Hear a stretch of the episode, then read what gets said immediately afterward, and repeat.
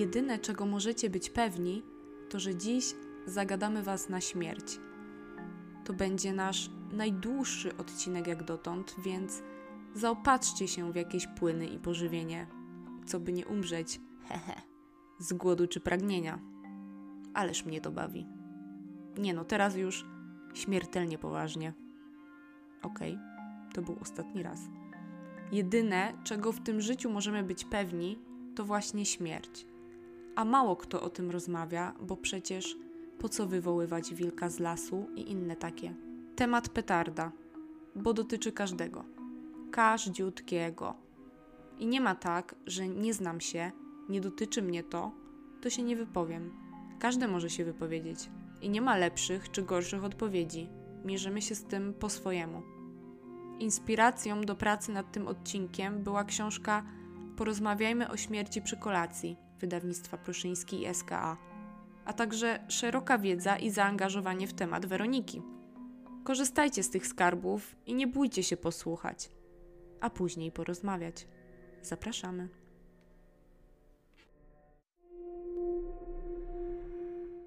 Mm, Okej, okay, to dzisiaj porozmawiamy sobie o śmierci, bo nadchodzi nam Halloween i wszystkich, e, wszystkich świętych i święto zmarłych. To jest chyba I dobry dziady. moment. I dziady, tak. Dziady lubię najbardziej, bo lubię dziadować. Ty dziadowo. Mm, dziady. Dobrze, że powiedziałaś o tym. Um, myślisz, że ktoś w Polsce jeszcze obchodzi dziady? Ja nie znam. Ale chciałabym poznać. Chciałabym no. obejść dziady. Musiałabym poszukać, czy są takie grupy. E, wiem, że są jakieś e, kościoły takie mm, rodzimowierców, więc pewnie oni obchodzą takie święta. Ciemno wszędzie, głucho wszędzie, co to będzie, co to co będzie. to będzie, dokładnie. e, tak sobie pomyślałam, że ponieważ robiłyśmy tą ankietę na temat śmierci, to może mm, przejdziemy sobie po, przez te pytania, które zadałyśmy też, e, że tak powiem, w eter e, i powiemy, co same na ten temat myślimy. Good idea.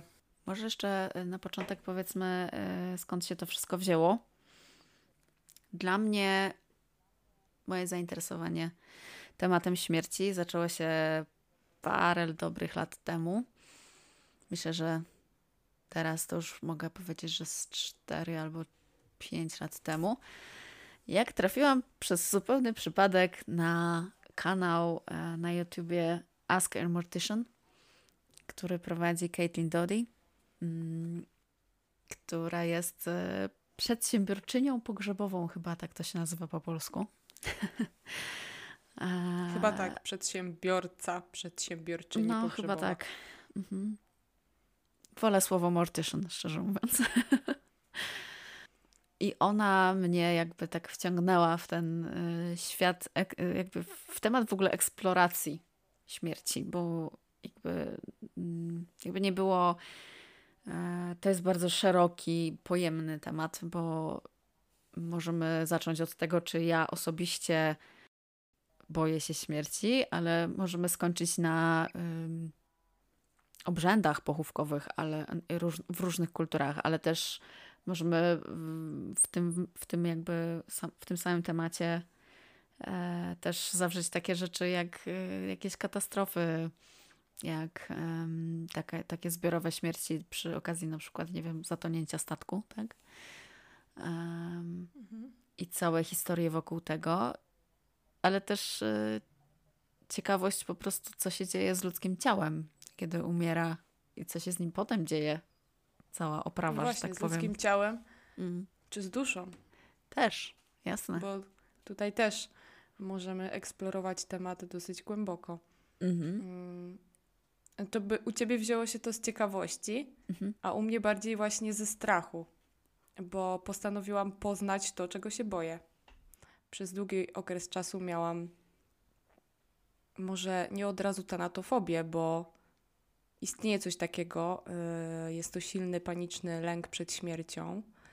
Y, I to pojęcie zostało wprowadzone y, i pierwszy raz użyte przez wszystkim znanego Zygmunta Freuda. Więc może to nie było bardzo, może nie, zwa, nie nazwałabym tego panicznym lękiem przed śmiercią, ale osoba, która ma problem z kontrolą i z chęcią utrzymywania kontroli nad wszystkim, ma problem z tym, nad czym nie ma kontroli, tak? A temat śmierci, no, jest taki poza naszą kontrolą, no bo Tak. nikt przecież jeszcze nie wrócił i nie powiedział, co się tam dzieje, tak? Tak. Ultimately uh, out of control. Więc u mnie ten temat wziął się właśnie z eksplorowania raczej swoich lęków i pracy nad tymi lękami. I jednym z zagadnień była, była właśnie śmierć.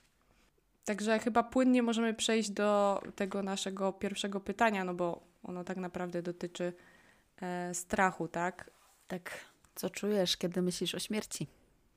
No to u mnie to było właśnie brak kontroli przede wszystkim. I to w sumie mm, możemy to rozdzielić właśnie nad tym, że nie masz kontroli, co się dzieje z Twoim ciałem, Mhm. czy nie masz kontroli nad tym, co się dzieje z Twoją duszą. No i myślę, że bardziej u mnie to była kwestia tego, że nie wiem, co, co się dzieje potem. Control freak po prostu nie może sobie poradzić z taką sytuacją. Nie może sobie poradzić z sytuacją niepewności.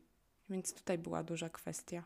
Mhm. Bo generalnie ludzie cierpiący e, w ogóle na tanatofobię mm, albo są przekonani o zbliżającej się śmierci i ten strach em, jest wywołany w ogóle przez wszystkie rzeczy kojarzące się ze śmiercią. E, unika się mówienia o, o cmentarzach, o pogrzebach. E, często w ogóle tacy ludzie nie chodzą na, na, na pogrzeby.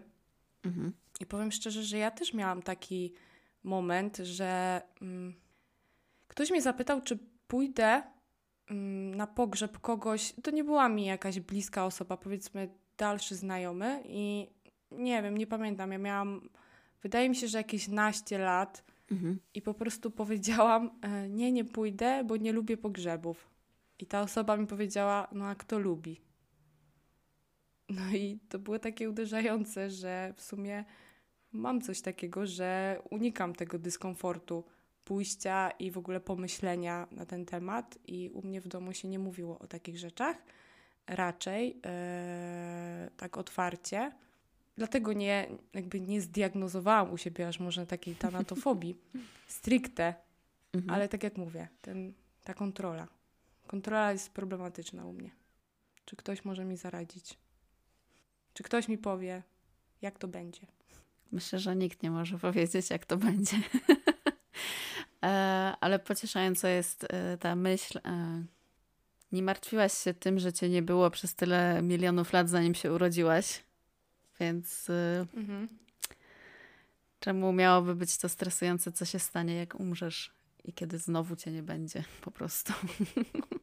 No właśnie, tutaj jest kwestia tej świadomości po, po śmierci, Mhm. że chyba boimy się tego, że nasza świadomość zostaje i że właśnie, ale co z tego? Fajnie, jeżeli zostaje świadomość, a nie zostaje ciało, które cierpi, tak? Które może odczuwać jakiś ból i dyskomfort, bo tego się chyba obawiamy najbardziej. Ja długo, długo, długo widziałam śmierć jako jakiś em, swego rodzaju e, wybawienie. Jak myślałam o swojej śmierci, to myślałam, to jakby miałam takie e, poczucie, że okej, e, kiedyś to się w końcu wszystko skończy. Thanks God. Teraz jestem gdzieś e, pomiędzy, że tak powiem, odkrywaniem, co, co tak naprawdę rezonuje z moją, mm, ze mną jakby wewnętrznie, nie? Y, Jakie teorie, teorie wierzenia i, i tak dalej, y, co tam ze mną faktycznie rezonuje i, mm, i dochodzę y, do takiego przekonania, że faktycznie dla mnie prawdą prawdą, moją prawdą e, jest, e, jest reinkarnacja, tak? Czyli mm, wierzę w to, że dusze przychodzą jakby cyklicznie na, na ten świat, na Ziemię, że się... Same wybierają. Tak, same wybierają, tak. Gdzie przychodzą, kiedy i po co. e, więc y, nie mam jakiejś tak, nie mam jakiegoś takiego lęku, że, że jakby moje, mój żywot się skończy absolutnie, nie be, umrę i nie będzie mnie, nie? Y, więc to nie, natomiast śmierć aktualnie w, w, w tym mm, jakby będąc w, w tej myśli, że, e, że mogę tu wrócić, to teraz śmierć e, jest dla mnie takim motywatorem, żeby, mm, żeby faktycznie znaleźć swoje miejsce, swoje w cudzysłowie powołanie. E, przeznaczenie po prostu. Tak, przeznaczenie, dokładnie. Mm, I wypełnić je. Tak sobie myślę, że jeżeli mam tu znowu przyjść i powtarzać to samo, to nie chcę. Odwalać. Odwalać tą samą manianę, tak? No. A więc chciałabym faktycznie znaleźć to swoje przeznaczenie i, i na tym się skupić, nie? Yy, natomiast yy, na takim zwykłym ludzkim poziomie mm, ogólnie śmierć wywołuje we mnie wzruszenie. Zawsze jak jestem na pogrzebie, to, to się bardzo wzruszam. Nieważne, czy to jest osoba e, na przykład z mojej bliskiej rodziny, czy z dalszej rodziny, czy zupełnie ktoś obcy. Obcy mam na myśli na przykład e, idę z partnerem na pogrzeb kogoś z jego rodziny, kogo nigdy w życiu nie znałam na przykład, tak? więc to jest mhm. jakby mhm. osoba obca. E, I to też tak samo mnie wzrusza, więc. Um, ale w taki sposób um, bez, bez przerażenia, bez smutku, tylko po prostu czuję takie, takie wzrusz, taki. Takie oczyszczenie, tak? Oczyszczenie, tak. Powrót, y, taki. O, właśnie. To jest takie wzruszenie, jak y, powrót do domu po długiej podróży że w końcu jestem tu, gdzie powinnam być, nie? I to jest coś takiego. A ja na przykład u siebie zauważyłam, mm, jeżeli chodzi o w ogóle intensywność przeżywania, kwestie trumny i urny. Nie mhm. wiem, czy nasza słuchiliczność też tak ma, czy ty też tak masz, ale troszeczkę inaczej e, uderza we mnie widok trumny, a widok tej małej urny. Jakoś ta urna jest taka, nie wiem, jestem spokojniejsza niż jak widzę trumnę.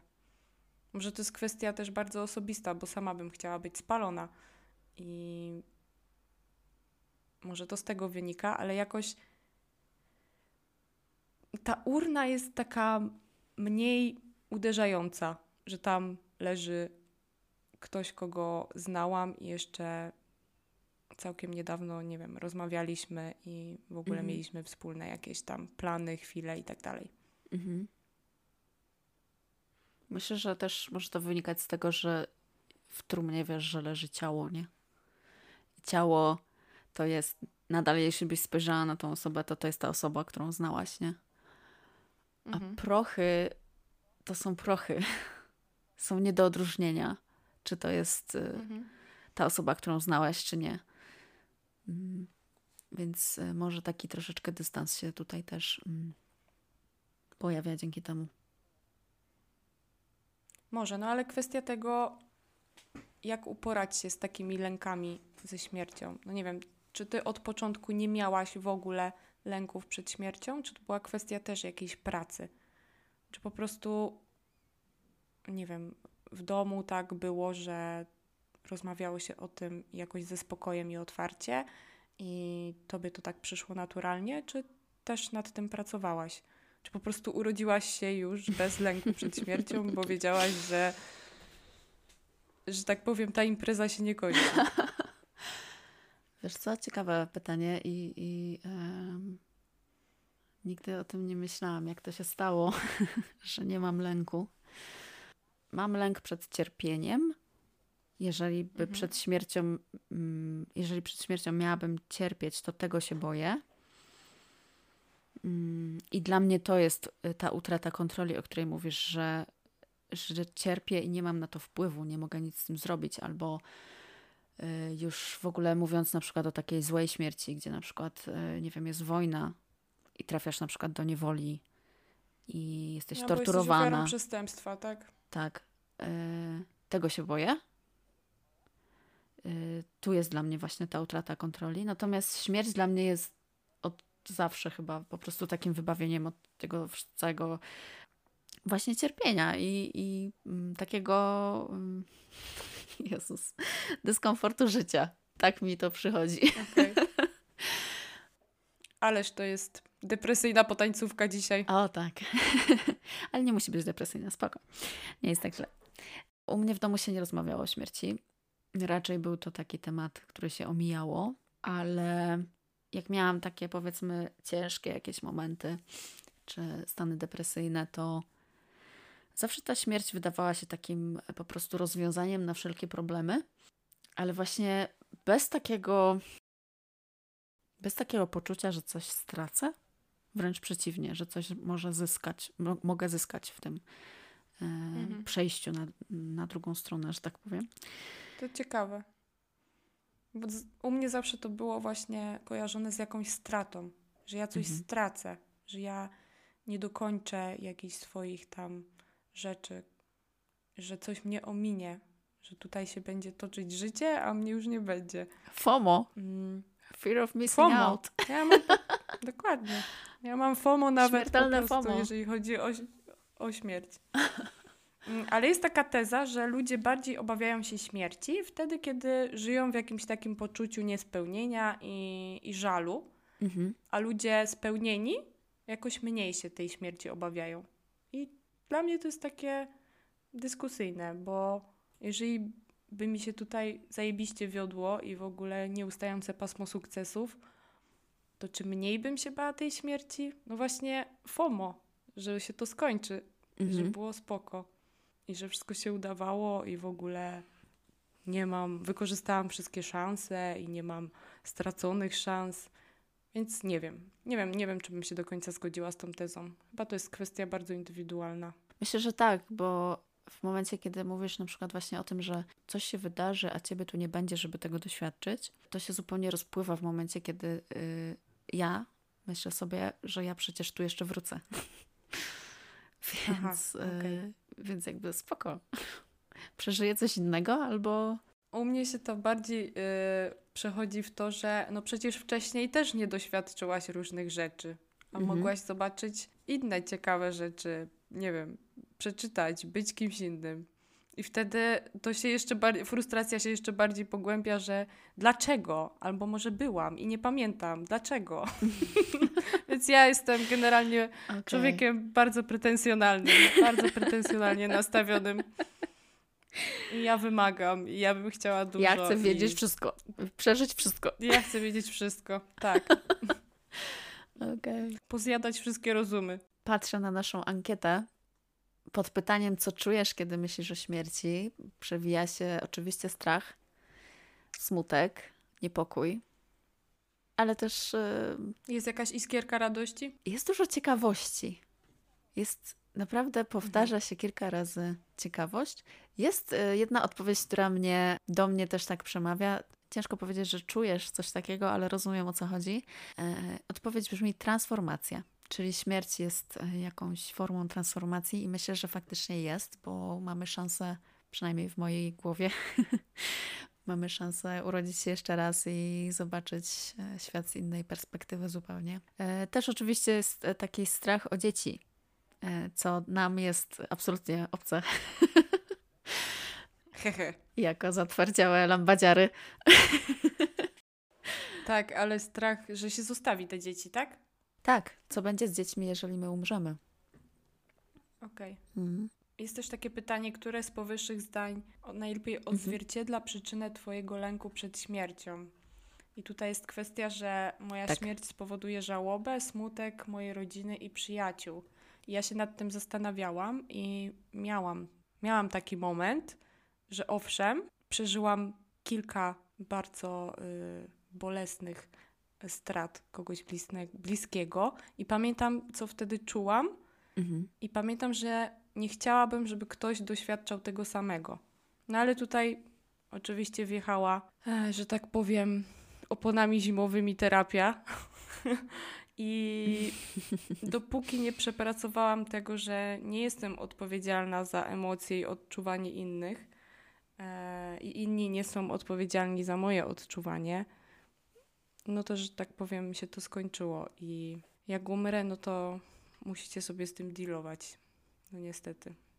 E, jeszcze w, e, w tym temacie, w tym pytaniu e, mamy kilka różnych odpowiedzi i to jest bardzo ciekawe, jak tutaj e, w naszej ankiecie to wygląda, e, bo mamy najwięcej odpowiedzi w tym punkcie. Nie będę już w stanie zatroszczyć się o ludzi, którzy są ode mnie zależni lub którzy na mnie polegają. Tutaj wiadomo, że mm, jakby automatycznie y, umysł idzie właśnie w stronę dzieci, w stronę opieki nad dziećmi, ale przecież nie tylko dzieci są y, pod y, opieką naszą, nie? Możemy też się martwić o naszych na przykład rodziców, o rodziców, którzy chorują na przykład, tak? Y, Co jeżeli my umrzemy pierwsi, co się z nimi stanie? Partnerów, partnerki. Tak, dokładnie. Kolejnym, e, jakby kolejny mm, w rankingu jest odpowiedź: Nie będę mogła niczego więcej doświadczyć, kiedy umrę. To to, No to o czym to, to jest omówiłyśmy. to jest FOMO. I właśnie to, co powiedziałaś, moja śmierć spowoduje żałobę i smutek wśród mojej rodziny i przyjaciół. To są takie trzy ym, odpowiedzi z największą ilością głosów. To jest bardzo ciekawe, że tak naprawdę to mówi o tym, jak em, boimy się o innych ludzi, nie? We, przy Mhm. własnej śmierci boimy się o tym, o to, jak to mm, zadziała na innych, inne osoby. E, I ja sobie tutaj w naszym, w naszym konspekcie zapisałam właśnie o co chodzi z tymi pytaniami.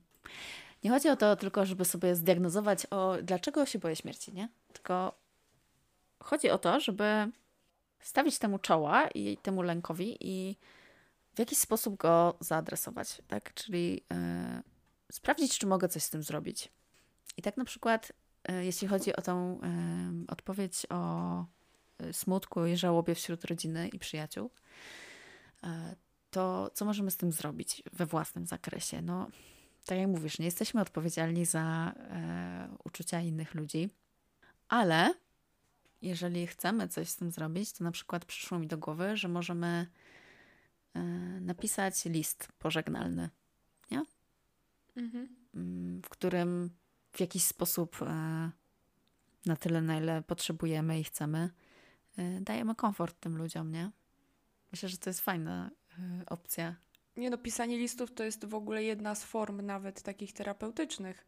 Często po prostu wylać pewne emocje, pewne wspomnienia, yy, czy nawet coś utrwalić. Niekoniecznie musisz tego to dać, a tutaj oczywiście kwestia tego, że zostawiasz komuś taki list, ale wszystko, każde tutaj pytanie rozbija się tak naprawdę o jedną najważniejszą kwestię.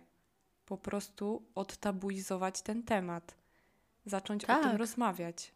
Tak, Bo oczywiście. w jakichś takich rozmowach w rodzinie u mnie, jak, y, no nie wiem, rzucisz chociaż hasło jak umrę, na przykład, no nie wiem, ja, osoba 30 plus, powie coś takiego, jeżeli bym umarła, jak umrę, no to zawsze kończy się to, a co ty mówisz?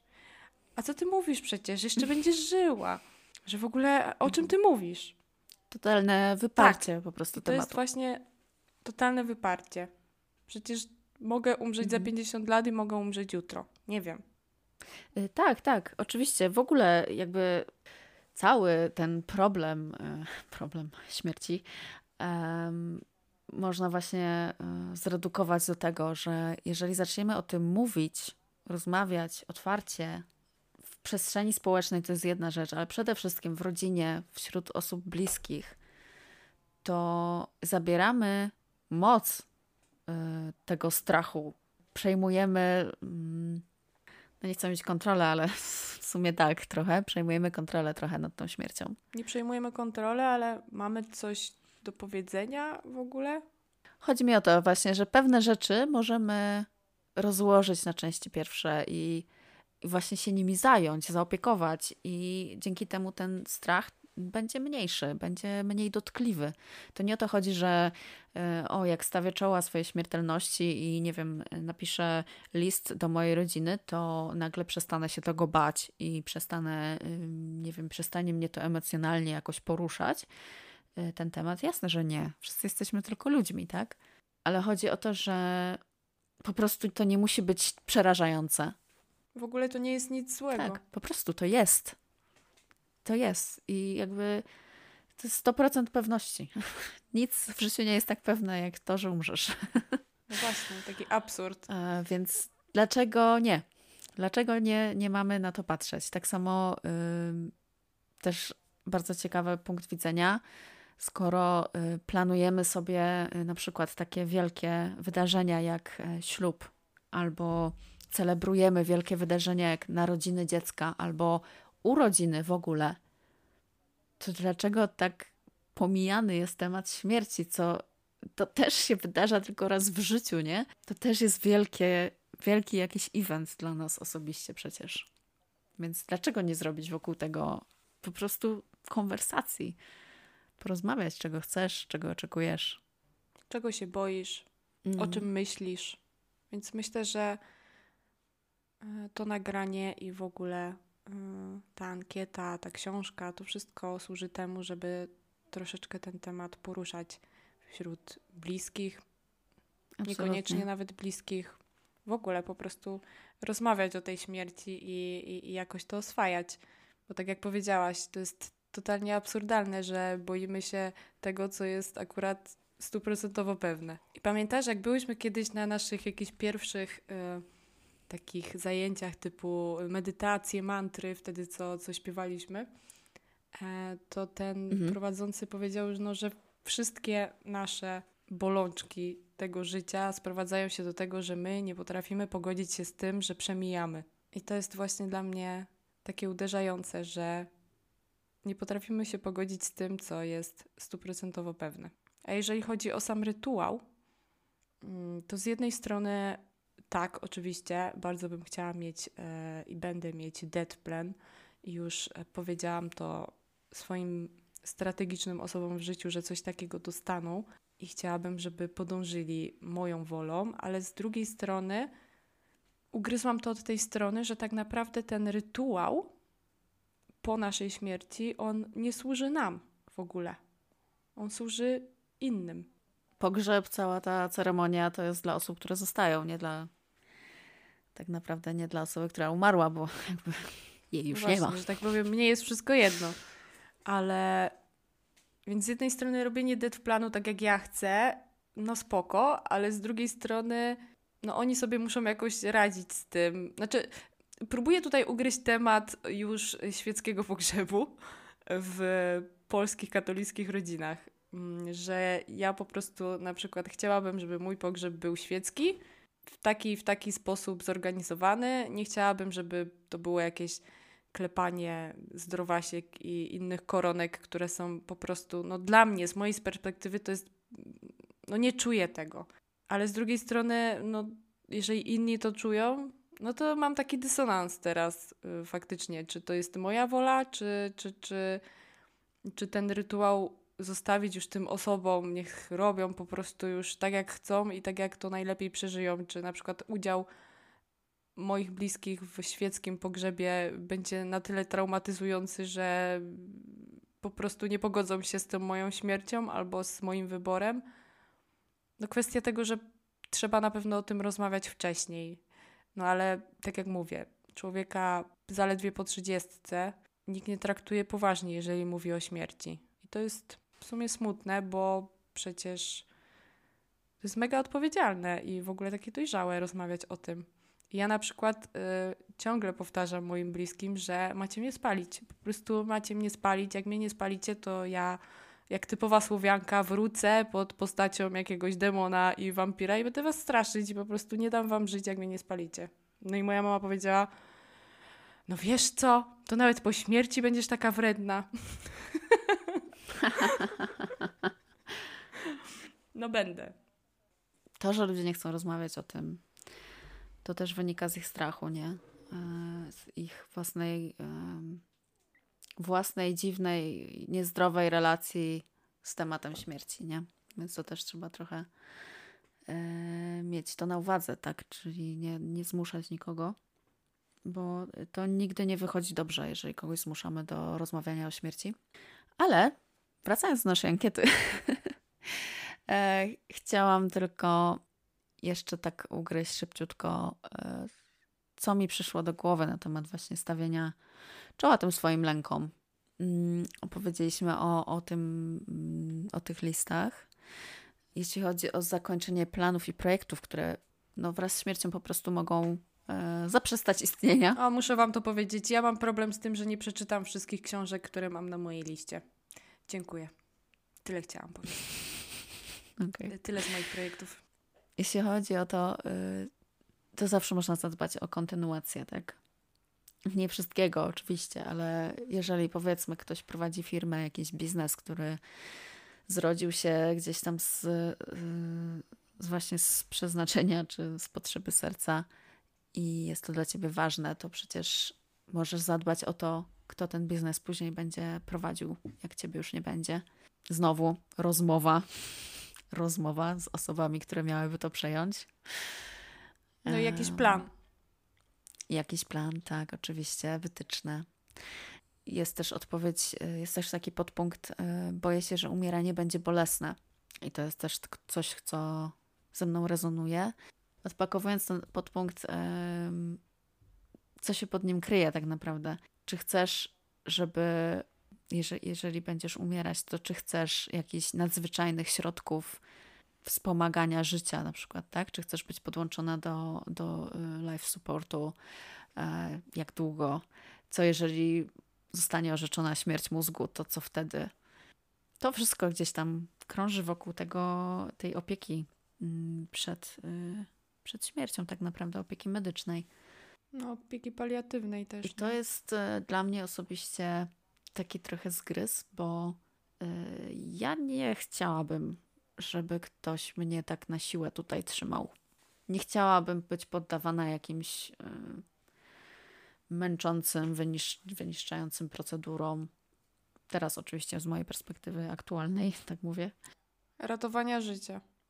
Ratowanie dla samego ratowania, wiesz? Y, Mhm. Nie chciałabym leżeć na ojomie przez trzy miesiące na podtrzymaniu życia, bo tak, bo może się kiedyś jeszcze obudzę.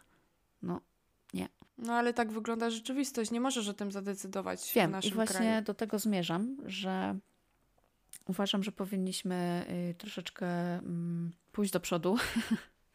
na przykład y, w Stanach jest coś takiego jak y, formularz DNR, Do Not Resus- Resuscitate. Jeżeli osoba taki formularz złoży, to nie wolno jej reanimować Mhm. i należy pozwolić jej odejść. I ja na przykład bym bardzo chciała taki formularz złożyć, żeby ludzie dali mi spokój, skoro już umarłam, to umarłam. A widocznie taki był plan. No. Można też e, złożyć em, po prostu takie oświadczenie woli, czego chcesz dla siebie, jakby w drodze do tej śmierci, tak? Czyli na jakie procedury się zgadzasz, a na jakie się nie zgadzasz.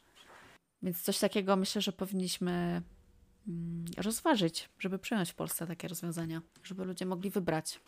Oczywiście, że tak. No ja jestem totalnie za wyborem i totalnie za możliwością podjęcia decyzji o tym, że umieram w spokoju, bo ja tak decyduję. Wiem, że cierpię na chorobę nieuleczalną, wiem, jak ona postępuje. Według mnie każdy powinien mieć możliwość e, po prostu odejścia w godny sposób, a no niestety bardzo często jest tak, że no te ostatnie chwile to jest no po prostu męka Mhm. i jeżeli ktoś ma możliwość i jest wybór zrobienia tego w ludzki i godny sposób, to ja jestem całkowicie na tak, oczywiście. I sama bym tak chciała i ja po prostu brałabym wszystkie możliwe środki, żeby, żeby to uśmierzyć i jak najszybciej przejść sobie łagodnie w stan po prostu tego, co nieuniknione. Mhm. Bez cierpienia. Więc y, przeraża mnie myśl o tym, że no, realia są takie, że jestem zdana tak naprawdę na, na lekarza, Na lekarza tak pielęgniarkę, naprawdę. na bliskich. Lekarz, lekarz, obca osoba zupełnie decyduje o tym, co się z tobą stanie. I to jest e, kiepskie. Ale też e, myślę, że warto o tym rozmawiać z rodziną, bo jasne, procedury są procedurami, ale rodzi- zdeterminowana rodzina też jest, no, ma swoją siłę, tak? Więc jeżeli rodzina wie, czego chcesz, czy tam osoby bliskie tobie, to mogą być takim twoim adwokatem w takich sytuacjach, nie? Żeby dążyć do tego, żeby jednak wykonać W tą takich twoją sytuacjach, wolę. jakich mogą. No, tak jak mówię, nadal nie jest to prawnie uwarunkowane, jest, no. ale no to nie jest tak, że lekarz, wiesz, lekarz też nie może zrobić wszystkiego, co mu się podoba, bo jest ta rodzina, która gdzieś tam czuwa. No wiem, no ale też poduszki do twarzy mi nie mogą przyłożyć i po prostu ulżyć, nie? No, Kwestia mogą. eutanazji jest w ogóle jakby na osobny odcinek moim zdaniem, bo to jest już w ogóle ogromny temat i y, ja tylko powiem, że absolutnie uważam, że powinno być y, dostępne powszechnie i dla każdego, kto chciałby skończyć swoje życie w asyście, powinna być taka możliwość. Ale też y, jeśli chodzi o ten ból w umieraniu, myślę, że ból też może, by, może sprawić leżenie w śpiączce na przykład. I to też jest taki właśnie temat y, pod, podciągnie, podciągnąć by go można było pod eutanazję. Też wydaje mi się, że to już jakby zupełnie inny wymiar bólu oczywiście, bo to taki egzystencjonalny, emocjonalny raczej ból. I to nie tylko dla osoby, która tam leży, ale dla wszystkich wokół. Jakby przechodząc y, już y, do następnego pytania, e, do następnej w sumie, następnego podpunktu tego pytania. Rozmawiałyśmy o tym, e, że nie można już doświadczyć niczego. No to tutaj jest bardzo prosty, prosta odpowiedź. Rusz tyłek i doświadczaj tego, czego chcesz doświadczać, tak? No dokładnie. To jest akurat proste. To jest właśnie też ta kwestia, żeby skupić się na chwili obecnej i nie rozpamiętywać e, tego, co było i nie żyć tym, co będzie, tylko doświadczać Dokładnie, tu i teraz. dokładnie. Więc e, jest to jakiś, e, jakiś, jakiś sposób na uporanie się też z, z tym tematem. Po prostu zacząć żyć. No a co z kwestią tego, co się stanie z, twoim, z Twoją duszą czy z Twoim ciałem? Bo to też jest właśnie ta niepewność dla takich osób, które lubią kontrolę, jak Ty. Co się stanie e, z tym ciałem, czy, co, czy z tą duszą? Jeśli chodzi o duszę, no to oczywiście tutaj w zależności od tego, kto w co wierzy i tak dalej i jaką e, formę duchowości przyjął, E, Myślę, że warto porozmawiać z kimś, e, kto jest jakimś przewodnikiem w tym nurcie, który dla siebie e, wybrałam, tak? Czyli, nie wiem, ktoś porozmawia sobie z księdzem, ktoś sobie porozmawia z rabinem, ktoś sobie porozmawia z jakimś duchowym guru. I myślę, że to jest e, fajne, mm, fajny sposób na to, żeby oswoić tą śmierć w, w, danej, y, w danym systemie jakimś, nie wiem, religijnym czy duchowym. Natomiast jeśli chodzi o ciało, no to właśnie tutaj wracamy do tematu e, tego deskplanu, o którym mówiłaś. E, I chciałabym, żebyśmy trochę w to zanurkowały teraz. Nurkujmy. Zrobiłam mały research e, u, u, właśnie u mojej ukochanej Caitlin Doddy i ona mówi, że e, są takie, jest takie pięć podstawowych kroków przy planowaniu e, właśnie śmiercioplanu, jak to przetłumaczyłam sobie na, na polski.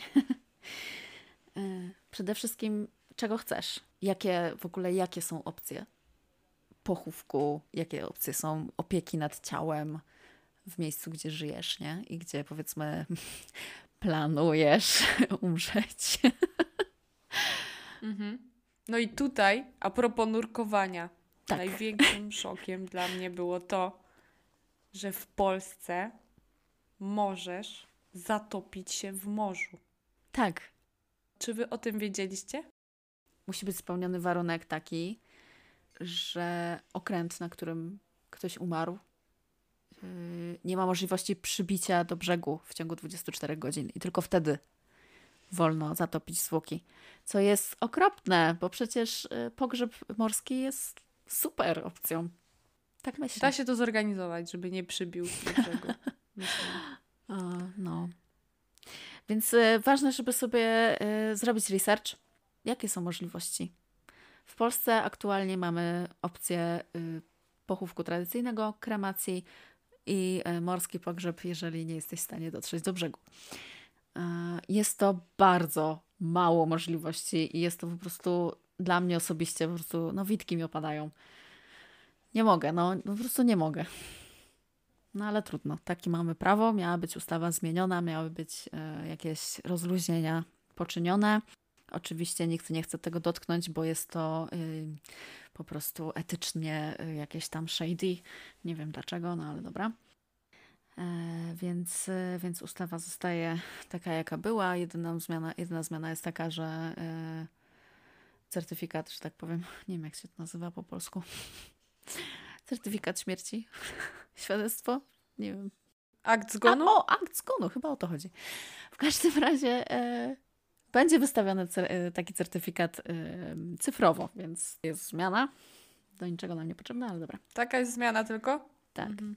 No dobra, cyfryzujmy się, ale generalnie kwestie takie, że no dobra, niech już będzie, że z ciałem nie możesz zrobić yy, no zbyt wiele, tylko musisz je pochować w odpowiednim miejscu. No ale prochy, urna, dlaczego nie możesz mieć tego w domu? Dlaczego nie możesz tego rozsypać? No właśnie, o Dlaczego? tym mówię. To jest bez sensu. Powinniśmy uwolnić zwłoki. E, Jest tyle różnych możliwości, naprawdę. Mm, uważam, że tak sztywne regulacje są po prostu bez sensu. No ale whatever. Można zrobić z siebie nawet biżuterię. na przykład. Do tego jeszcze dojdziemy. E, punkt drugi. Czyli kto ma się zająć? Czy to są osoby twoje najbliższe według prawa, czyli na przykład dzieci, czy rodzice, czy rodzeństwo? Czy chcesz, żeby to był ktoś zupełnie niezwiązany z tobą e, krwią? Bo oczywiście, jeżeli masz, nie powiedzmy, męża Mhm. czy żonę, no to wiadomo, jasna sprawa, nie? To nie rodzina. A, nie rodzina, ale jednak legalnie ma prawo. Natomiast jeżeli masz jakąś, powiedzmy, taką rodzinę yy, z wyboru, no to co wtedy? Taka osoba w ogóle nie ma prawa do twojego, do twojego ciała i do twojego pochówku, Mhm, więc mhm. to w ogóle jest yy, straszne, jeżeli sobie tak pomyślisz, że no nie wiem, masz na przykład dzieci, które są po prostu okropne i generalnie nie masz z nimi kontaktu i nie chcesz ich na swoim pogrzebie, a nadal to one są odpowiedzialne za twój pochówek. Dokładnie i nic o tobie nie wiedzą. O tym, jak żyłeś, jakie miałeś poglądy w tym temacie, nigdy z tobą o tym nie rozmawiali. No to jest też kwestia po prostu y, rodzina z wyboru i rodzina z loterii Mhm. genetycznej i zawsze ta genetyka tutaj wygrywa, mm, co niekoniecznie jest słuszne. Mhm. Jeżeli chodzi o mnie, to ym, ja, że tak powiem, ym, nie wiem, czy zajęłabym się ciałem za życia, a co dopiero ciałem po śmierci, więc na pewno na chwilę obecną oddałabym to y, specjalistom i tym, którzy się tym zajmują. I w ogóle kiedyś przecież były takie ym, praktyki, że to ciało było w domu e, do pogrzebu. Tak, absolutnie. Nie wiem, w ogóle kojarzysz. powinno tak być, bo to jest czas na to, żeby przetworzyć ten żal i tą całą stratę. Ja jestem Mhm. all, all in, jakby jeżeli chodzi o e, pogrzeby w domu. Pogrzeby w sensie ceremonię, jakąś tam e, taki memorial, nie? I otrzy- trzymanie z ciała w domu też jestem absolutnie za tym, bo opieka, moim zdaniem, opieka nad ciałem zmarłego, zmarłej osoby bliskiej daje właśnie taki mm, czas na to, żeby się z tym oswoić. Co się stało, e, jak, jak to wszystko wygląda. Na przykład moje doświadczenie jest takie, że mój dziadek e, umierał w szpitalu. I ja go widziałam ostatni raz podłączonego do rurek w szpitalnym łóżku na sali z dziesięcioma innymi osobami. I potem nagle światła zgasły, że tak powiem, i, i tyle. I teraz widzę go na nagrobku, Mhm. na, na zdjęciu. I jakby to nie ma sensu. Nie, jakby jest ogromna dziura między tym, jak ja go widziałam, jak jeszcze żył, a teraz już nie żyje. I jest jakby, no jest wyrwa. Nie Mhm. miałam czasu przetworzyć tego, że to ciało już nie jest moim dziadkiem. Nie? Mhm. No to u mnie w rodzinie na przykład praktykuje się coś takiego, nie w domu, ale w tej kaplicy domu pogrzebowego, tak jakby jest takie spotkanie dla najbliższych, czy tych, którzy chcą w tym uczestniczyć, gdzie trumna jest otwarta i to ciało jest wystawione i możesz się właśnie pożegnać. Mhm. No nie, to ja niestety nie, nie, nie doświadczyłam tego i no żałuję. To u mnie tak jest w rodzinie. Znaczy ja niekoniecznie jestem, y, że tak powiem, zwolenniczką y, przez to, że ja po prostu no, mam, tą, no, mam tą wolę spalenia, więc tak jakby mm, to ciało po śmierci jest dla mnie już takie problematyczne w mojej głowie. Ale to kwestia też tego, że ja po prostu oczywiście y, kryminolog, y, kryminalistyka, ja po prostu naczytałam się tyle, co się dzieje z ludzkim ciałem mm, i z procesem rozkładu. Polecam przeczytać sobie jakąś trupią farmę albo choćby Chemię śmierci y, Simona Becketa. Tam jest po prostu też e, sporo takich opisów i mnie ta fizjologia po prostu przerasta. Mhm. Więc e, chyba dlatego też się bierze ta moja chęć tego spalenia, ale oczywiście nawet jeżeli e, palimy ciało, to też taka chwila, takie mm, spotkanie właśnie dla najbliższych z tą osobą, z tym ciałem, oczywiście powinno być też e, w jakiś sposób zorganizowane. I tak jak mówisz, żeby zapełnić tą lukę y, między tą sytuacją, kiedy kogoś znaliśmy, kiedy ktoś ciężko chorował, jeżeli chorował, albo, nie wiem, zginął w jakimś e, no, takim niespodziewanym momencie, że nie mieliśmy nawet okazji po prostu zobaczyć tą osobę i się jakoś pożegnać. No jest znowu takim rytuałem oczywiście dla tych, którzy zostają, więc e, wydaje mi się, że z psychologicznego punktu widzenia mm, jest to słuszne, by coś takiego robić. Punkt trzeci y, naszego śmiercioplanu. Jeżeli już wybraliśmy osoby, które chcemy, żeby zaopiekowały się nami i jakby nie mam tu na myśli tego, że nie wiem, wybieram ciebie, żebyś obmywała moje zwłoki. Absolutnie nie. Chodzi o to, żeby, mm, żeby wybrać osoby, które będą jakby in charge, y, które będą załatwiały pewne sprawy dla ciebie, które będą, nie wiem, wybiorą kwiatki, tak? Albo wybiorą ci księdza, albo nie księdza, albo kogoś, kto będzie przemawiał na tym twoim e, pogrzebie, zorganizują stypę i tak dalej. E, Jeżeli już wybrałeś taką, wybrałaś taką osobę, to oczywiście co? Po raz kolejny porozmawiaj z nią.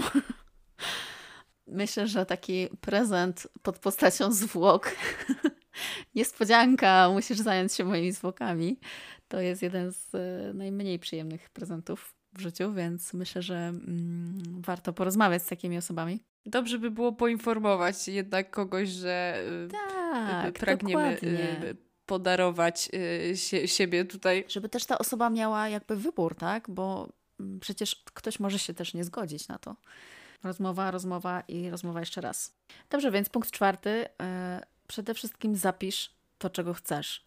Nie rób niczego na gębę, bo czas zaciera e, pamięć i osoby, które gdzieś tam usłyszały, czego chcesz, mogą nie pamiętać później, czego tak naprawdę chciałaś.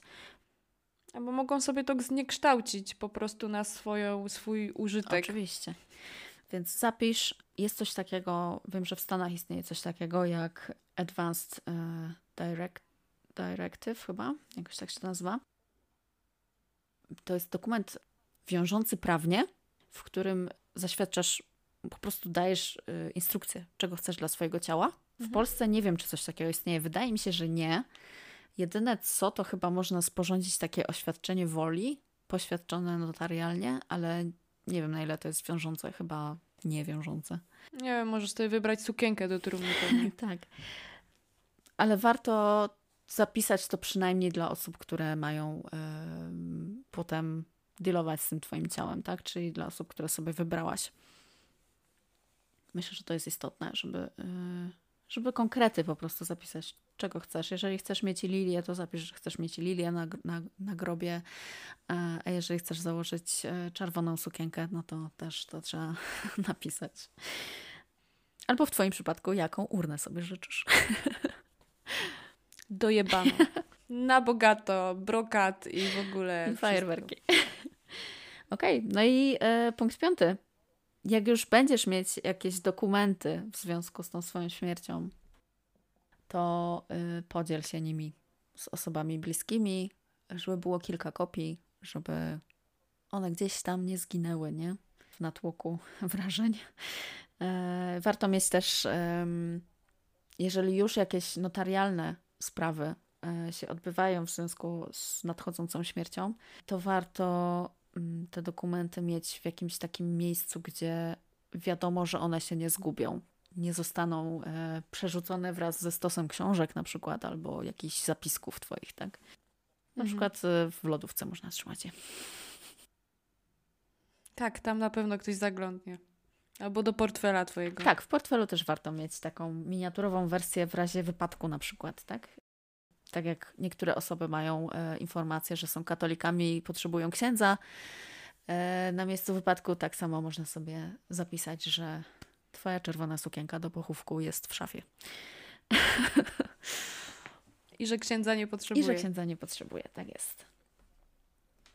Jeśli chodzi o naszą ankietę i o Death Plan, i o jego pierwszy punkt, to wśród naszych odpowiedzi em, na pytanie, czy wiesz, jakie są w ogóle opcje opieki nad e, ciałem, 41% odpowiedziało, że wie, ale znowu 40 ponad procent odpowiedziało, że nie. Co jest e, ciekawe. W takim sensie, że ludzie nie wiedzą, co może się stać z nimi po śmierci. Zadałyśmy też pytanie o to, jak e, ułatwić bliskim mierzenie się z tym tematem pochówku i opieką nad ciałem. No i oczywiście e, po raz kolejny powiemy, porozmawiaj z nimi. To jest e, główny motyw tego odcinka. Rozmawiajmy. Główny motyw. Komunikacja. Komunikacja, dokładnie. Trzeba po prostu ludziom powiedzieć. Powiedzieć, czego chcesz, powiedzieć, jak widzisz śmierć, bo jeżeli, jeżeli e, tak z mojej perspektywy, jeżeli ja bym wiedziała, że e, osoba mi bliska umiera i jest pogodzona z tym, że umiera i jest e, jakby ma w sobie spokój i akceptację, to też mi by było łatwiej. Nie, no, Myślę, że trzeba pogadać po prostu z ludźmi i, i powiedzieć, jaki masz stosunek do tego. Że nie będą się musieli domyślać, czy na przykład żałujesz czegoś. Jak żałujesz, to też im powiedz. Będą wiedzieć. Dokładnie. I też tutaj się przewija motyw listu, zostawienie instrukcji, wyjaśnienia, czego oczekuję. I bardzo ciekawą sprawą jest to, że y, ktoś nam tutaj napisał, że można zostawić pieniądze. I to jest po prostu najbardziej y, śmierciopozytywna sprawa, jaką można zrobić, czyli przygotować, Ale w sensie w spadku? Nie. zostawić pieniądze na to, żeby cię pochowali tak, jak chcesz. Aha, na tą sukienkę na przykład. Tak. Pogrzeb w Polsce może kosztować nawet 20 tysięcy złotych. 20 tysięcy złotych. Więc e, zadbanie finansowe o to, żeby e, nie zostawić tego ciężaru na osobach bliskich, myślę, że jest po prostu świetną rzeczą. I e, każdy powinien po prostu sobie e, w jakiś sposób odłożyć chociaż trochę tych pieniędzy, tak? E, Na śmierć. na śmierć, naprawdę. I w końcu to pytanie nabiera teraz znaczenia. Zawsze jest, po co odkładasz te pieniądze? Po co ci one będą po śmierci? Właśnie po to. Po to, żebym miała taki pogrzeb, jaki sobie wymarzyłam. Z tak Dokładnie. dojebaną urną, jak sobie tylko wymarzyłam. Dokładnie tak. Dokładnie tak. Zasiłek e, pogrzebowy w, e, u nas aktualnie to są 4000 zł e, z ZUS-u. Mhm. 4000. To jest bardzo mało. Często w kościele katolickim jest taki wymóg, że jeżeli chcesz spopielić ciało, to najpierw musi się odbyć pogrzeb z trumną i z ciałem, dopiero później można je spopielić i pochować. I to na przykład generuje dodatkowe koszty, bo musisz przewozić to ciało tam i z powrotem. To jest traktowane w ten sposób, że yy, no, w dupach im się przewraca. Czemu nie mogą mieć normalnego pogrzebu i zmieścić się w tej kwocie? Mogą, ale nie chcą. Kwestia jest też tego, że jeżeli y, taki jest wymóg jakiegoś, nie wiem, kościoła, cmentarza, cokolwiek, to musisz kupić trumnę i urnę. W dodatku trumny do kremacji są zupełnie inne niż trumny, y, w których się chowa ciało, y, bo one są po prostu drewniane albo wręcz tekturowe. Y, najlepiej, żeby były tekturowe. Więc musisz y, po prostu kupić jakąś wielką trumnę, no bo przecież y, co ludzie powiedzą, jak będziesz w tekturowej trumnie w kościele. No nie ma takiej opcji, nie? No właśnie. To też jest ważne właśnie, żeby spojrzeć na to z takiej pragmatycznej strony. A co jeżeli, kurde, twoi, w twojej rodzinie jak umrzesz, to wszyscy będą po prostu akurat, nie wiem, biedni i nie będzie ich stać na nic więcej poza zasiłkiem z ZUS-u. Mhm. A ty chcesz czegoś tam więcej, nie? Odkładajcie. Trzeba o tym mówić. Nie, zdecydowanie tylko rozmowa i jasna deklaracja tak naprawdę, czego się oczekuje, jest tutaj jedynym słusznym rozwiązaniem. Mhm. Nie, ma, nie, nie damy żadnego innego złotego środka i też nie bez powodu tytuł książki jest jaki jest i zaczyna się od porozmawiajmy, no bo po prostu trzeba o tym rozmawiać, Mhm. nic więcej. To w takim razie porozmawiajmy o tym, co można zrobić, żeby śmierć była ekologiczna. To jest pytanie, które mnie nurtuje. Jakby nie patrzeć, mamy, już też rozmawiałyśmy o tym, że mamy e, przeludnioną ziemię. E, Mamy bardzo dużo ludzi i 100% tych ludzi umrze kiedyś. Więc w długiej perspektywie mamy tony, tony, tony, tony zwłok. Co z nimi zrobić, nie? Bo jakby tradycyjne cmentarze już się przepełniają. Jest coraz mniej miejsca na to, żeby budować kolejne, więc e, co z tym zrobić? Zamienić się w biżuterię. E, tak, też można, jasne. Jest chyba coś takiego. Tak, jest taka możliwość, oczywiście nie u nas, ale istnieje. I tutaj e, właśnie wiesz, że temat śmierci i ekologia, czy to się łączy? Większość naszych badanych odpowiedziało, że tak. I tak, oczywiście, że tak, bo przecież e, jakby nie patrzeć, zwłoki to jest materia, którą, z którą coś trzeba zrobić, tak? Na pytanie, w jaki sposób redukcji zwłok jest według Ciebie najbardziej przyjazny środowisku, e, większość odpowiedziała kremacja, co jest bardzo ciekawe. I nie jest prawdą. Kremacja nie jest ekologicznym wyjściem, ponieważ produkuje bardzo dużo gazów cieplarnianych, uwalnia rtęć do powietrza z wypełnień dentystycznych, tych starych. Mhm, mhm. I w dodatku trzeba zużyć bardzo dużo gazu, żeby spalić zwłoki. Więc będzie drogo. Właśnie. W obecnej sytuacji będzie bardzo drogo. Dokładnie. Chyba że, chyba, że kiedyś w końcu przełamiemy tą barierę i zgodzimy się na kremacje zbiorowe. Wtedy więcej zwłok Mhm. naraz będzie można spalić. Aczkolwiek jest to dla niektórych osób y, nie do pomyślenia, że mogę dostać urnę, w której nie jest tylko babcia, ale też kilka innych osób. A część mojej Mhm. babci jest u kogoś innego. Na tym etapie kwestia kremacji jeszcze jest takim tematem do oswojenia dla niektórych, a co dopiero kremacji zbiorowej, więc jeszcze Mm, lata tak jest. świetlne. No jest dużo y, opcji, które są jeszcze daleko poza dyskursem, że tak powiem, u nas y, w kraju. Okej, wracając do ekologicznych pochówków. Jak myślisz, jak, jak twoim zdaniem to wygląda? Co, co można by tak ekologicznie zrobić z ciałem? No na pewno są sposoby na to, żeby je po prostu skondensować. Dokładnie nie wiem, jak to się robi, ale są już takie, takie rozwiązania, które, które powodują, że tak naprawdę możesz stać się y, fiolką jakiegoś żelka. Tylko kwestia tego, na ile to jest ekologiczne. Jeżeli w ogóle mówimy o Mhm. ekologii, to dla mnie przede wszystkim coś, co rzuca się w oczy, to jest sterta śmieci, jakie my generujemy przy pogrzebach. I w ogóle w Polsce Na cmentarzach? na cmentarzach, tak. U nas po prostu jest masa szajsu na grobach. Mhm. Sztuczne kwiatki, plastikowe wstążki. Dokładnie.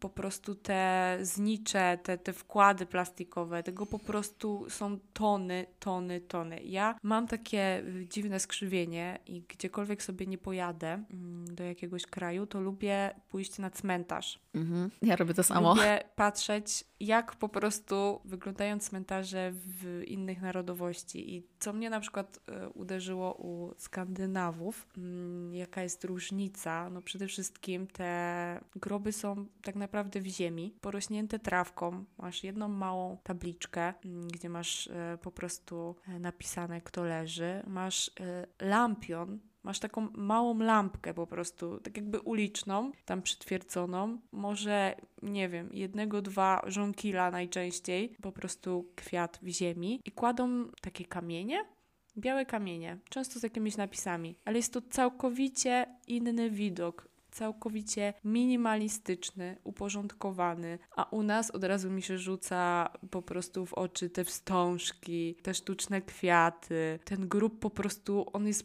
zawalony Tak. zawalony tymi, tymi rzeczami. Może bardziej póki co uderza mnie problem tego, że generujemy bardzo, bardzo, bardzo dużo śmieci, niż to, że generujemy, że tak powiem, za dużo nawozu z, ze zwłok. Właśnie, to też jest ciekawe. Nawóz ze zwłok. Jeżeli myślimy o pochówku, to zazwyczaj myślimy o trumnie no albo urnie, ale powiedzmy, że jakby tak zupełnie tradycyjnie myślimy o trumnie, która ląduje sobie w ziemi i tam się to wszystko rozkłada. I o ile w Polsce zazwyczaj tak to wygląda, to na świecie są popularne przeróżne formy, na przykład katakumby, gdzie trumna ląduje po prostu na półce, jak w bibliotece. I to ciało sobie tam po prostu jest i się rozkłada bez ziemi jakby, nie? Bez ziemi. Mhm. We Włoszech też tak jest, Tak. że są takie ściany. Tak, tak. Albo na przykład ciało ląduje w trumnie, ale w trumnie, która jest z taką specjalną uszczelką, y, żeby przypadkiem się tam wilgoć nie dostała i żeby zachować y, świeżość zwłok mamy po prostu na zawsze. To jest bez sensu, bo to Po nie co? działa. To Metalowe trumny, które niby mają, wiesz, y, uchronić te zwłoki przed rozkładem. Nie ma czegoś takiego. Każde zwłoki się będą w końcu rozkładać, no chyba, że są zmumifikowane i są w idealnych warunkach. W Stanach trumna trafia jakby do takiego, nie wiem jak to się po polsku nazywa, po angielsku to się nazywa vault, czyli jakby taki, taki, taka betonowa trumna dla twojej trumny. A, okej, rozumiem. Taki pokrowiec. Po co w ogóle, nie? W krajach, gdzie stosuje się na szeroką skalę balsamowanie zwłok, razem z ciałem i z tą trumną, która powiedzmy trafi do tej ziemi w końcu, trafiają litry formaldehydu i innych substancji chemicznych, które są szkodliwe. Więc w ogóle, gdzie tu jest jakaś ekologia w tym wszystkim, nie? Wiesz co, ja y, najbardziej rzuca mi się w oczy to, że my za wszelką cenę chcemy się jakoś oddzielić od tej natury. A przecież to wszystko jest ze sobą powiązane. Tak jakby Magical Circle of Life. dokładnie my, nasi przodkowie są po prostu tutaj dalej w świecie. W tych wszystkich substancjach, które pobierają drzewa i inne rośliny, które Dokładnie. grzybki sobie rozłożyły i przepracowały. I nie rozumiem, czemu z tym tak strasznie walczyć. To jest znowu strach przed śmiercią, nie? Przed tym, że ktoś Tak, zapomni że o tobie. jesteśmy czymś więcej w ogóle. Jesteśmy Ponad, ponad, to. Oczywiście, tak. A wracając do eko, z mojej wiedzy i z moich researchów wynika taka e, konkluzja, że jest kilka takich opcji zielonych. E, najbardziej prostą i dostępną, i znaczy dostępną, mam nadzieję, że coraz bardziej dostępną, taką tradycyjną formą pochówku jest pochówek wprost do ziemi, bez trumny, bez e, właśnie bez balsamowania, żadnych takich cudów. Po prostu ciało zawija się w bawełnianą albo lenianą em, leniane płótno i ono ląduje prosto w ziemi, w płytkim grobie, tak żeby był dopływ powietrza i ono się tam bardzo ładnie rozkłada i dzięki temu nie tworzymy dodatkowych, wiesz, śladu węglowego i tak dalej. Mhm. To jest jakby takie najprostsze i takie, wiesz, tradycyjne, bo jak sobie pomyślisz, e, ileś tam set lat, no przecież tak się chowało ludzi, tak? Tak, ale też y, z, z tego, jak się jeszcze wcześniej chowało, to kojarzy mi się, że dawało się masę gratów temu, Tak. temu delikwentowi. Mhm. No, Wyposażenie na życie pozagrobowe. jakieś garnki, gitary, jedzenie i te sprawy, Mhm. nie? No to się wiąże z wierzeniami różnymi, nie? Zależy kto w co tam wierzy. Mhm. Ale nie jest eko, nie, jest eko. Nie, jasne, że nie. Okej. Drugą opcją, która wywołała też pytania, jest tak zwana akwamacja, czyli e, kremacja wodna. E, Na czym to polega? To jest Mhm. bardzo ciekawe i ja po prostu, no oczy mi się tak otworzyły szeroko, jak się o tym dowiedziałam. Akwamacja to jest em, redukcja ciała w roztworze ługu, czy też sody kaustycznej, różnie to Mhm. jest nazywane. Więc mamy To jest kret. nie mów tak. Nie mów tak, nie rób czarnego PR-u. Przepraszam. Właśnie o to chodzi. Tam nie ma żadnych kwasów, yy, bo ludzie tak myślą, że to będzie o, w kwasie kąpielu. O, wrzucimy babcię do kwasu, tak. Nie, nie o to chodzi. To jest woda, ciepła woda, około 150 do 170 stopni. Właśnie ten wodorotlenek potasu, czyli ta soda kaustyczna ług i wysokie ciśnienie. Przy tym procesie wytwarza się około 35% mniej gazów cieplarnianych niż przy kremacji, więc uważam, że warto w skali y, 8 miliardów ludzi, czy ile tam nas jest. I co zostaje? I potem zostaje y, jakby dwa komponenty. Taka wodnista, żółta pać- paćka. No to, to jest ten żelek. Mówiłam, że to jest ten żelek. Ja dokładnie nie, nie znałam tego pojęcia, ale o to mi chodziło. On ląduje po prostu w, w ściekach, nie ma problemu. I zostają kości, które, które są po prostu, y, tak jak przy kremacji, wrzucane do kremulatora, czyli taki wielki blender, który tnie kości na pył. I potem rodzina może dostać właśnie taką e, urnę z, z tymi kośćmi. I to jest e, super sprawa, uważam. W przeciągu 3 do 5 godzin jesteś w stanie zredukować ciało z iluś tam, powiedzmy, średnio 80 kg do, do, do jakiegoś tam kilograma kości, nie? Więc e, jest to fajna opcja, moim, zdaniem. Aktualnie, aktualnie Bardzo droga. droga i niedostępna oczywiście u nas, no bo po co? Wiem, że w Stanach jest dostępna, więc jak ktoś e, m, gdzieś tam planuje koniec życia w Stanach, to jest taka opcja. To jest to, e, ale to, co do mnie osobiście najbardziej przemawia, bo jest po prostu, dla mnie to jest po prostu kwintesencja akceptacji tego, że jesteśmy tylko i wyłącznie materią organiczną, po prostu zwierzętami z wyższą inteligencją. To jest Czyli masz y, schowane ego. Schowałaś ego. Schowałam go totalnie. Opcją, e, która jest zupełnie green dla mnie. Oczywiście poza tym chowaniem wprost do ziemi, nie? Ale jeżeli chcemy coś takiego y, meaningful zrobić z naszym ciałem, to jest kompostowanie zwłok. Mhm, o tym miałam też powiedzieć. I kompostowanie zwłok uzyskało u nas w naszej ankiecie trzy odpowiedzi, co świadczy tylko o tym, jak bardzo to jest yy, nieznane jeszcze. Jak to kompost? Jak to? Bo to w ogóle się tak kojarzy, y, wiesz, jakbyś y, kompostowała obierki z ziemniaków, nie? To jest dokładnie to. Bez szacunku. Tak. No tak, no jesteś obierkiem, no. Jakimś odpadem wszechświata. Y, Badaczka w Stanach, y, badaczka Ka- Katerina Spade e, w Seattle za, zainteresowała się właśnie jakby redukcją zwłok właśnie w tej myśli takiej eko i w przestrzeni miejskiej, jak co w tych zatłoczonych miastach, co my mamy zrobić z tymi zwłokami? Przecież nie ma już dla nich miejsca, nie? I w, swoim, w swoich badaniach natrafiła na, natrafiła na wieś. Trafiła na informację, że rolnicy od lat stosują kompostowanie zwierząt hodowlanych. No i jakby pomyślałam sobie, kurczę, to kompost z ludzi będzie jeszcze bardziej zajebisty, nie? I Odżywczy.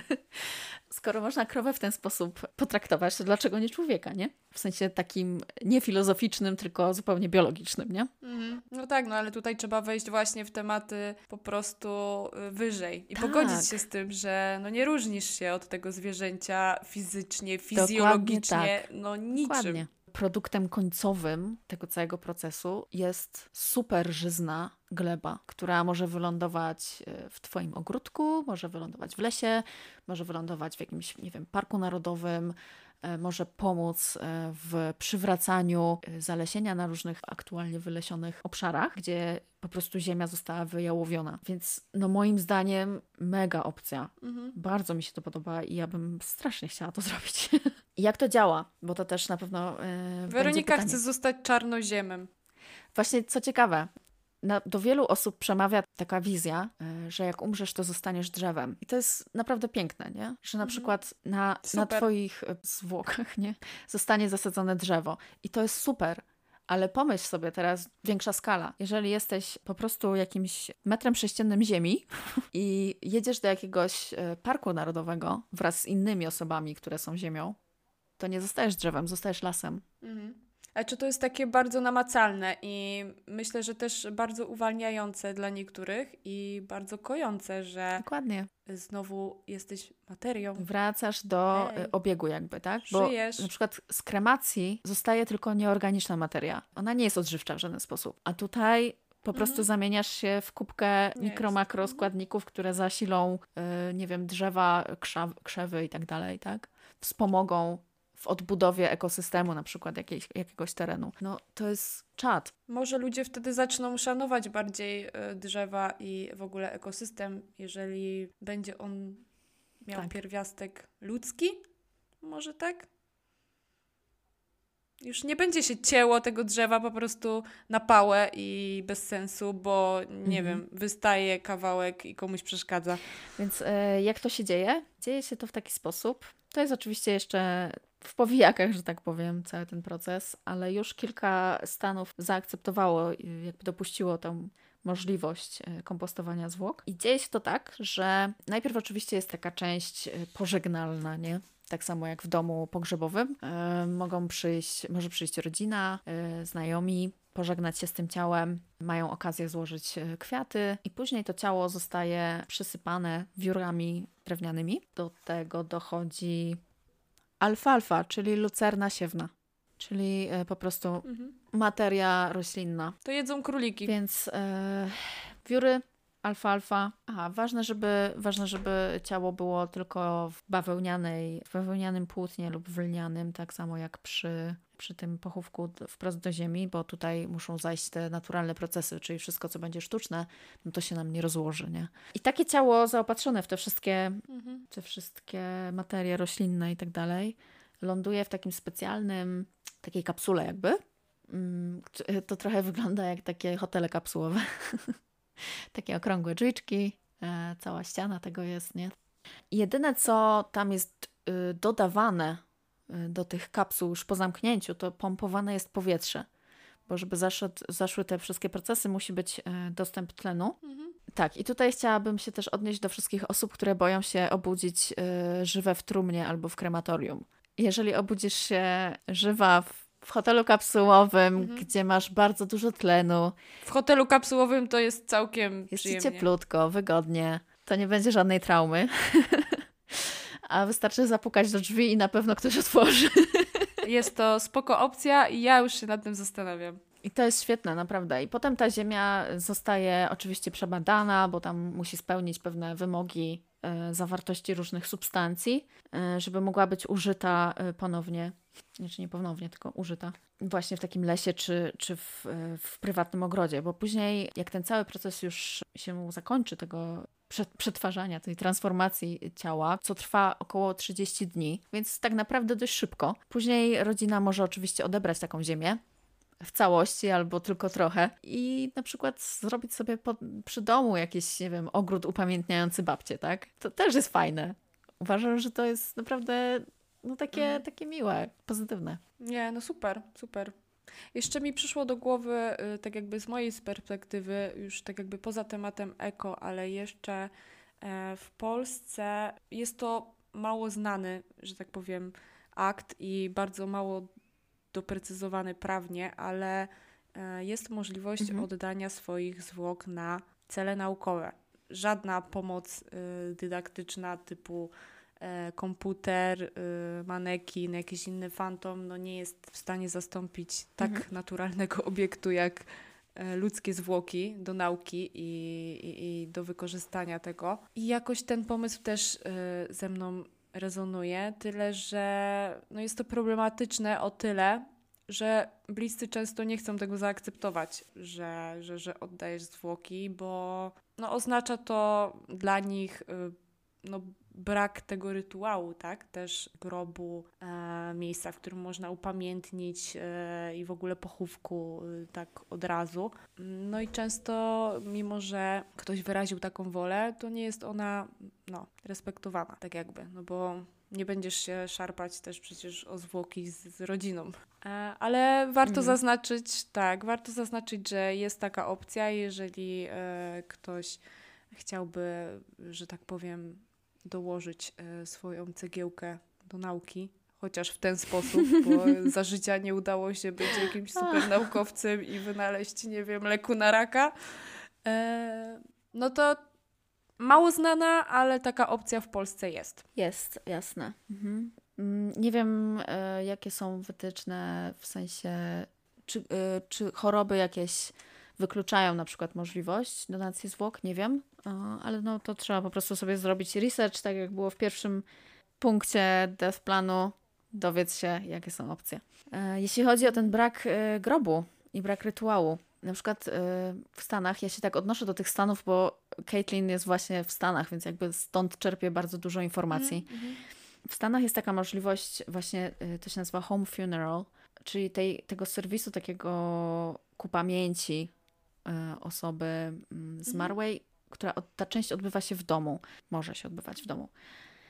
I to jest fajne, bo właśnie, tak jak mówisz, ten, ta potrzeba rytuału zostaje zaspokojona. Zostaje y, ten, ten, y, ten żal i ta, ta strata zostaje zaadresowana i ludzie mogą poświęcić chwilę, żeby, żeby to przeżyć z tym ciałem. E, dokładnie, no jest też, e, ja się też odniosę do, że tak powiem, swojej działki, czyli kryminologii. No, e, często jest tak, że zwłoki z jakiegoś powodu nie zostają odnalezione. Mhm chociaż wiemy na przykład, że, że doszło do, do, do zabójstwa czy morderstwa e, z różnych względów, choćby z tego, że sprawca na przykład tego nie zdecydował się ujawnić. I często są organizowane przecież e, takie rytuały bez ciała, mhm. właśnie tylko po to, żeby zaspokoić tą potrzebę psychologiczną pożegnania się z tą osobą. Mhm. No i to jest właśnie taka opcja, którą też myślę, że można by przyjąć. Przecież w Polsce ciało zmarłe nie jest jakimś, nie wiem, zagrożeniem sanitarnym. Jeżeli nie, nie wiem, nie, ktoś nie umarł na ebole, to raczej się nie zarazimy od niego niczym. Więc można by po prostu zrobić rytuał, pożegnać się z tą osobą i wtedy dopiero wkracza serwis, e, że tak powiem, profesjonalny i zabiera zwłoki właśnie w, w takich mhm. celach, e, powiedzmy, naukowych, nie? Mhm. Mhm. Dokładnie. Dobrze. E, w takim razie chciałabym jeszcze mm, pogadać o wymarzonym pogrzebie, bo tak jak mamy wymarzone, nie wiem, śluby mm, i jakieś tam inne uroczystości, osiemnastki i tak dalej. Czy myślałaś o tym? Jakby mógł e, wyglądać Twój wymarzony pogrzeb? E, tak, no przede wszystkim e, chciałabym, żeby był świecki, choć ostatnio psia psi powiedziała mi, że świeckie pogrzeby są beznadziejne. no cóż, nie wiem, ale mój chciałabym, żeby był fajny. Mm, mhm. Przede wszystkim no, dlatego, że no, nie rezonuje ze mną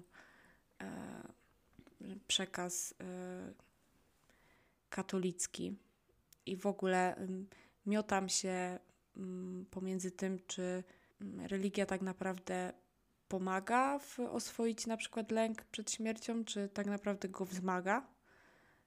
I straszenie tym ogniem piekielnym i, i, i tym wszystkim nie jest po prostu no jeszcze tak.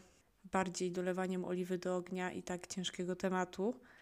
Więc y, stąd mm, taka moja decyzja, że raczej bym poszła w stronę świecką i chciałabym, żeby prowadziła to kobieta, to na pewno. Bo wiadomo, chłopy są obrzydliwe. Tylko dziewczyny.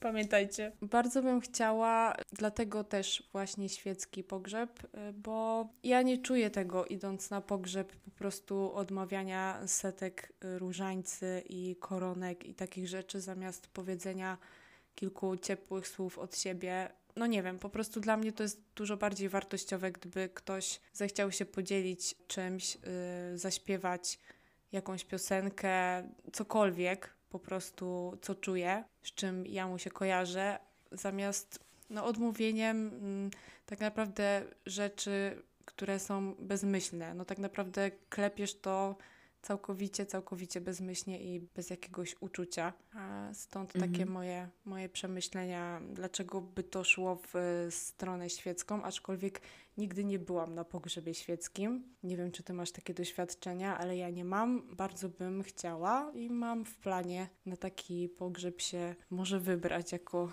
że tak powiem, wolny słuchacz. Nie wiem, nie wiem jeszcze jak to, jak to można zorganizować, ale, ale bardzo bym chciała. E, ja też nie mam doświadczenia co do świeckich pogrzebów. Niedawno dopiero w ogóle, y, w sensie niedawno, kilka lat temu, nie? Ale biorąc pod uwagę, że 30 plus, no to już niedawno, y, dowiedziałam się, że w ogóle jest taka opcja. Myślałam, że wszystko po prostu przechodzi przez kaplicę. Ja osobiście, jeżeli byłaby możliwość właśnie takiego kompostowania zwłok, to chciałabym przez to przejść, przez taką transformację. No ale okej, ale chodzi o rytuał, nie? Właśnie, o rytuał. Tak, a jeśli chodzi o sam rytuał, to na pewno chciałabym, też chciałabym, żeby to nie było w obrządku katolickim. Czy całkiem świecko, jeszcze nie wiem, bo jestem jeszcze na takiej drodze y, poszukiwania. Ale jeżeli miałabym, powiedzmy, y, zaplanować z dzisiaj na jutro, to tak, świecki, świecki rytuał chciałabym, żeby mm, pojawiły się osoby, z którymi gdzieś tam utrzymywałam bliższe relacje, rodzina oczywiście, y, przyjaciele.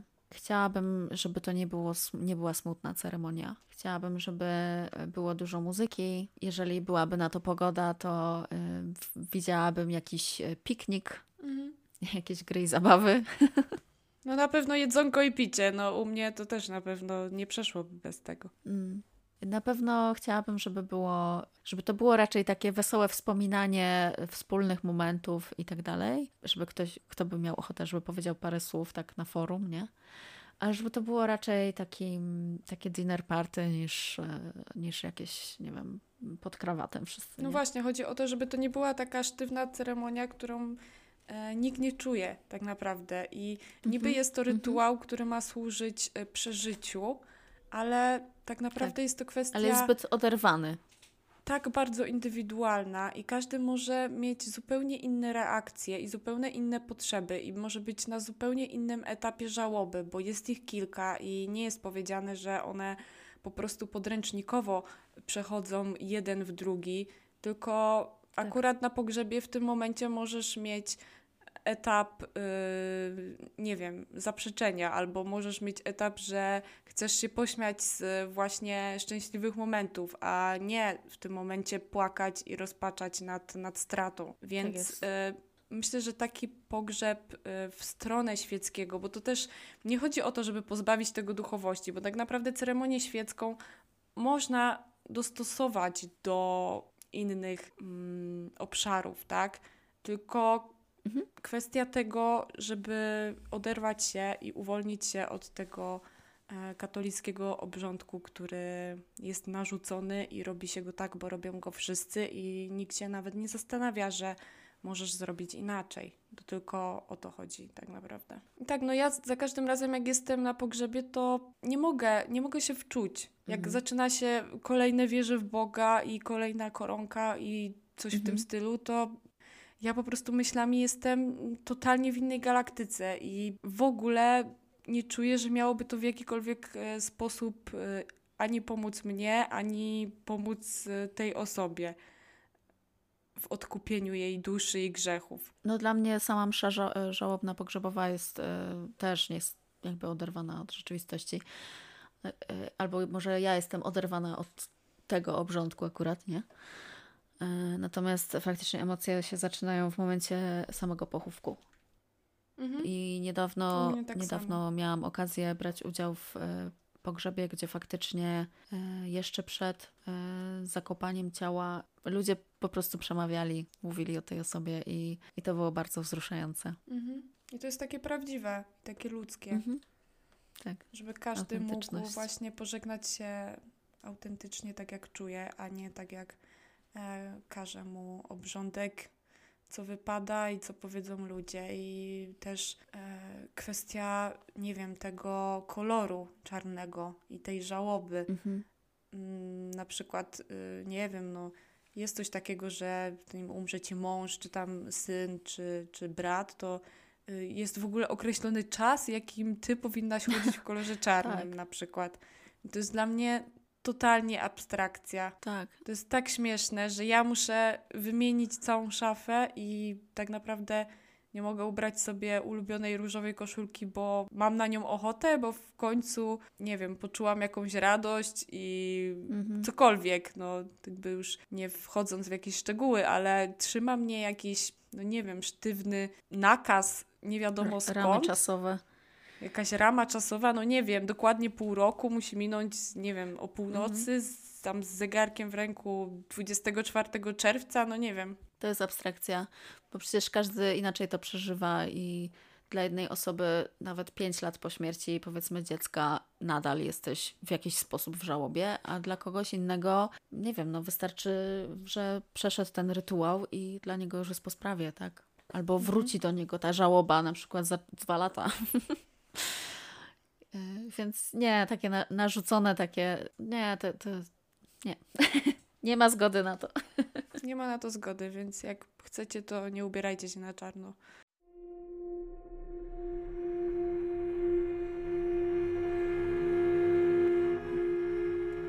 Temat śmierci jest złożony i wielowymiarowy. Mogłybyśmy jeszcze gadać i gadać i, i gadać. Jeśli macie ochotę zgłębić ten temat we własnym zakresie, polecamy książkę Porozmawiajmy o śmierci przy kolacji Michaela Heba, który proponuje podróż po zakamarkach strachu przed śmiercią przy stole, wśród rodziny, znajomych, ale i zupełnie obcych ludzi. Ja z mojej strony polecam Wam moją ulubioną przedsiębiorczynię pogrzebową, Caitlin Doty i jej książki e, Smoke Gets in Your Eyes, żeby zajrzeć za kulisy śmierciobiznesu w sposób taki mm, lekki, zabawny, ale też bez owijania w bawełnę. Druga książka to From Here to Eternity. Jeśli jesteście ciekawi, jak w różnych kulturach traktuje się śmierć i to, co z nią związane, a także Will My Cat Eat My Eyeballs, gdzie możecie poszukać odpowiedzi na nurtujące Was śmierciopytania. Polecam Wam również kanał Caitlin Ask a Mortician, gdzie znajdziecie takie tematy jak co się dzieje podczas kremacji, jakie są opcje pochówku, co jest eko, co to jest balsamowanie zwłoki i w ogóle dlaczego to się robi. O i mumie, mumie, jeszcze więcej o mumiach. Osobiście uwielbiam serię Iconic Corpse, gdzie spotykamy takie osobistości jak JFK, Jesse James, rodzina Romanowów, Jeremy Bentham, Vladimir Lenin, Rosalia Lombardo czy Joseph Haydn. Jeśli macie dłuższą chwilę wolną, to mm, polecam takie dokumenty jak na przykład Prawdziwa historia Moby Dicka, trzy części o Disneyu, historia e, statku Fitzgerald, e, statku Eastland i wiele, wiele, wiele innych. Oczywiście mogłabym tu wymieniać i wymieniać. Po prostu idźcie już na tego YouTube'a i oglądajcie. Link w opisie. A co dla Was jest ciekawego w śmierci? Co jest strasznego? Dokąd Wasze myśli prowadzą, kiedy myślicie o swojej śmiertelności? Dajcie znać w komentarzach albo na maila, jeśli tak jest dla Was lepiej. Dziękujemy Wam, że jesteście z nami. Bardzo cenimy sobie naszą słuchiczność i pozdrawiamy Was ciepło. Subskrybujcie nasz kanał, żeby nie ominął Was żaden odcinek. FOMO is real, people.